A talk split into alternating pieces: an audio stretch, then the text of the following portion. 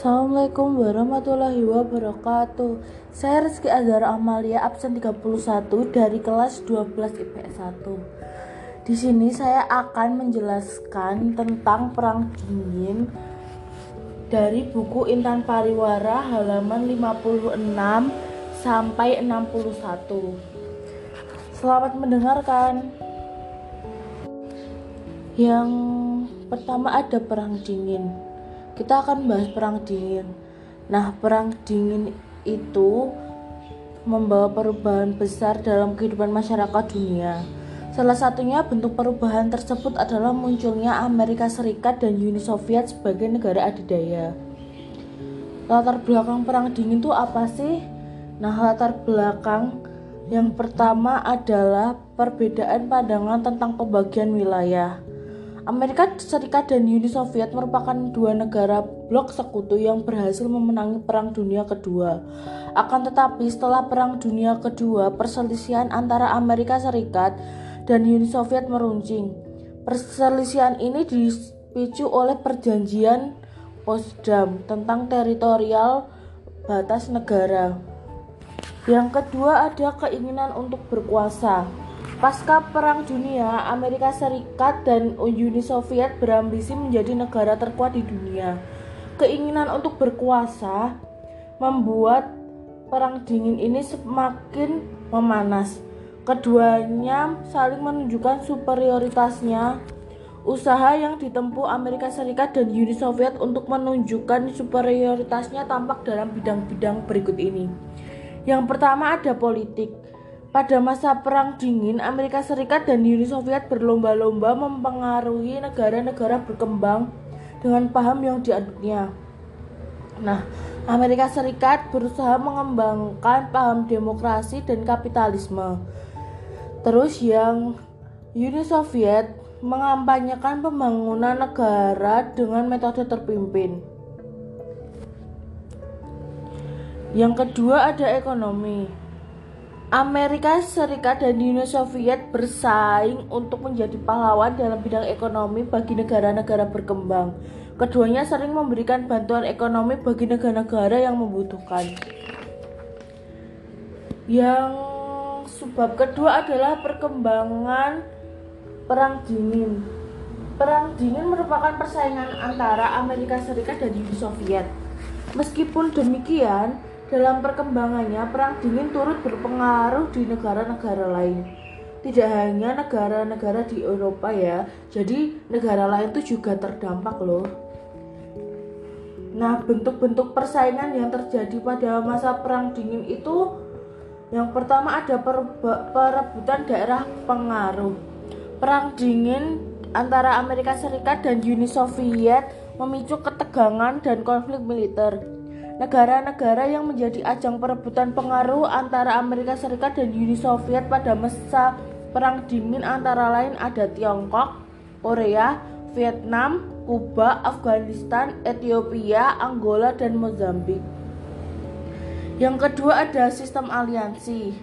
Nah, sistem aliansi ini menegaskan adanya persaingan pada masa Perang Dingin Aliansi-aliansi tersebut tuh bertujuan memperkuat kedudukan negara-negara yang tergabung dalam blok barat dan blok timur.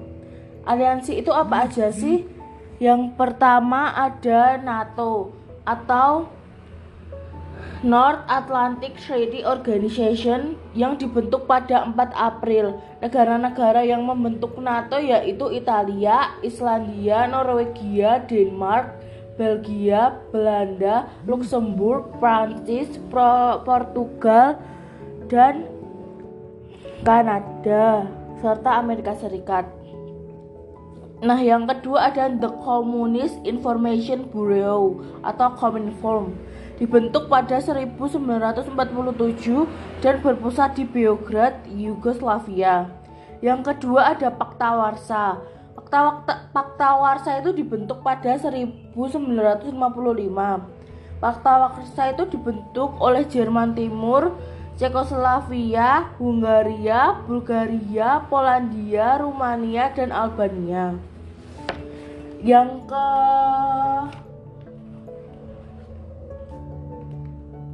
Empat ada Fakta Australia, New Zealand Unit Status atau ANZUS. Dibentuk pada 1951. Fakta ANZUS merupakan fakta pertahanan negara-negara Amerika Serikat, Australia, dan Selandia Baru. Yang kelima ada Southeast Asia Treaty Organization atau SEATO. Dibentuk pada 1954. SEATO merupakan kerjasama pertahanan negara-negara Asia dengan negara-negara Barat. Anggota SEATO antara lain Amerika Serikat, Inggris, Prancis, Australia, Filipina, Thailand, Pakistan, dan Selandia Baru. Terus faktor yang ketiga ada persaingan senjata. Nah, persaingan senjata ini diawali oleh Uni Soviet dengan membuktikan bahwa Uni Soviet bisa mengembangkan teknologi persenjataan. Kemudian Amerika Serikat berhasil mengembangkan jenis bom hidrogen. Setahun kemudian Uni Soviet menyusul perkembangan teknologi persenjataan Amerika Serikat. Selama masa Perang Dingin, kedua negara tersebut selalu mengembangkan jenis bom baru. Pada masa Perang Dingin, Amerika Serikat dan Uni Soviet juga terlibat dalam perdagangan senjata dunia. Sejak 1970, perga, perdagangan senjata telah menjadi bisnis komersial yang menarik yang dikembangkan Amerika Serikat dan Uni Soviet. Hal itu karena mereka menjual persenjataan militer dengan harga rendah dan kredit mudah. Selain itu, persenjataan dapat ditukar dengan komoditas pokok seperti padi atau komoditas lainnya sebagai alat pembayaran. Spionase Persaingan antara Amerika Serikat dan Uni Soviet itu pada masa Perang Dingin memunculkan aksi spionase atau mata-mata. Nah, aksi ini dilakukan untuk mengetahui perkembangan kekuatan lawan. Amerika Serikat dengan Central Intelligence Agency atau CIA. Sementara itu Uni Soviet dengan Komitet Gorsu dan Venoy Pasnoti atau KGB. Yang kelima ada persaingan teknologi luar angkasa. Persaingan teknologi ang luar angkasa juga mewarnai masa perang dingin. Baik Amerika Serikat maupun Uni Soviet berlomba-lomba melakukan berbagai penelitian untuk menghasilkan temuan-temuan baru. Beberapa temuan baru khususnya dalam teknologi luar angkasa pada masa perang dingin tersebut terus berkembang dan dapat dirasakan manfaatnya hingga saat ini. Uni Soviet menjadi negara pertama yang berhasil menjelajah luar angkasa pada masa perang dingin. Keberhasilan Uni Soviet tersebut terjadi pada 4 Oktober 1957 ketika Uni Soviet berhasil meluncurkan pesawat luar angkasa pertama di dunia. Kemudian Amerika Serikat menyusul dengan membentuk National Aeronautics and Space Administration atau NASA pada 1958. Nah, sebab yang ketiga ada upaya untuk meredam perang dingin nggak mungkin ya setiap negara tuh tidak terdampak perang dingin pasti terdampak. Nah ketegangan itu tuh mulai dirasakan pada saat 1970 dampak negatif yang dirasakan selama perang dingin itu menyadarkan Amerika Serikat dan Uni Soviet untuk melakukan perdamaian Selain itu, kekhawatiran masyarakat dunia terkait kemungkinan timbulnya perang dunia ketiga mendorong negara-negara yang tidak terlibat perang dingin berusaha meluasnya berusaha meredam meluasnya pengaruh perang dingin. Ada beberapa usaha. Yang pertama adalah usaha negara-negara berkembang. Nah, usaha negara-negara berkembang untuk meredakan perang dingin dilakukan dengan cara tidak memihak atau menjadi anggota salah satu blok. Untuk memperlancar usaha tersebut, negara-negara berkembang membentuk organisasi organisasi bernama Non-Alignment Movement atau NAM atau Gerakan Non-Blok. Nah, organisasi ini berusaha bersikap netral dalam menyikapi perang dingin. Yang kedua ada usaha PBB. Pada 1968, Dewan PBB mengeluarkan resolusi nomor 255 yang memuat keseruan kepada negara-negara penghasil nuklir untuk membantu negara-negara yang menjadi korban serangan nuklir. Resolusi tersebut menunjukkan PBB menjamin keamanan dunia internasional. PBB juga membentuk misi perdamaian yang dikirim ke negara-negara wilayah yang sedang mengalami masalah ataupun konflik. Nah, yang ketiga, Usaha antar negara Hubungan bilateral dilakukan untuk mengurangi ketegangan pada masa Perang Dingin. Contoh hubungan bilateral yang dilakukan sebagai bentuk upaya meredam ketegangan dunia pada masa Perang Dingin sebagai berikut.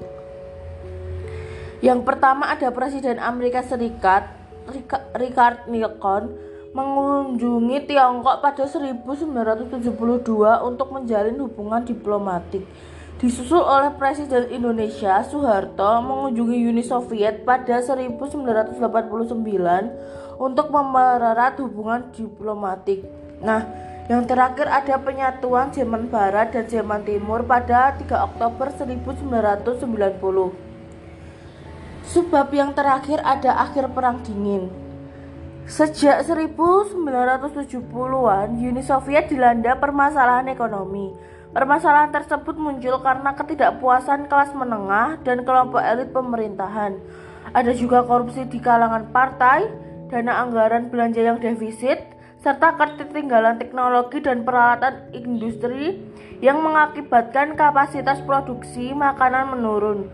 Kondisi politik dan ekonomi yang memburuk mendorong pemimpin Uni Soviet Mikhail Gorbachev untuk melakukan pembaruan. Nah, dalam kondisi yang makin memburuk, Mikhail Gorbachev menempuh langkah reformasi, yaitu perestroika dan glasnost. Perestroika merupakan pelataan kembali yang sudah rusak, sedangkan glasnost merupakan demokrasi melalui keterbukaan politik. Pada masa pemerintahannya, Mikhail Gorbachev menerapkan kebijakan keterbukaan dan demokratisasi dalam kehidupan masyarakat Uni Soviet. Nah, kebijakan tersebut mengakibatkan munculnya keinginan-keinginan negara satelit untuk membebaskan diri dari kekuasaan Uni Soviet. Satu demi satu wilayah Eropa Timur di bawah kekuasaan Uni Soviet melepaskan diri.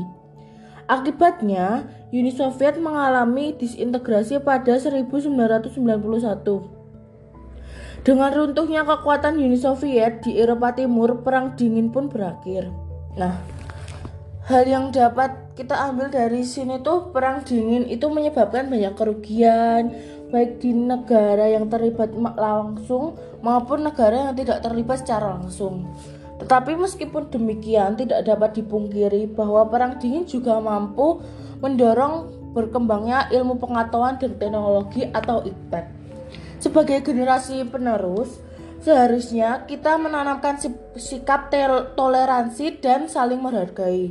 Sikap ini merupakan kunci utama untuk memelihara perdamaian dunia. Nah, sudah selesai podcast saya kali ini. Kurang lebihnya saya mohon maaf. Wabillahi taufiq walhidayah. Wassalamualaikum warahmatullahi wabarakatuh.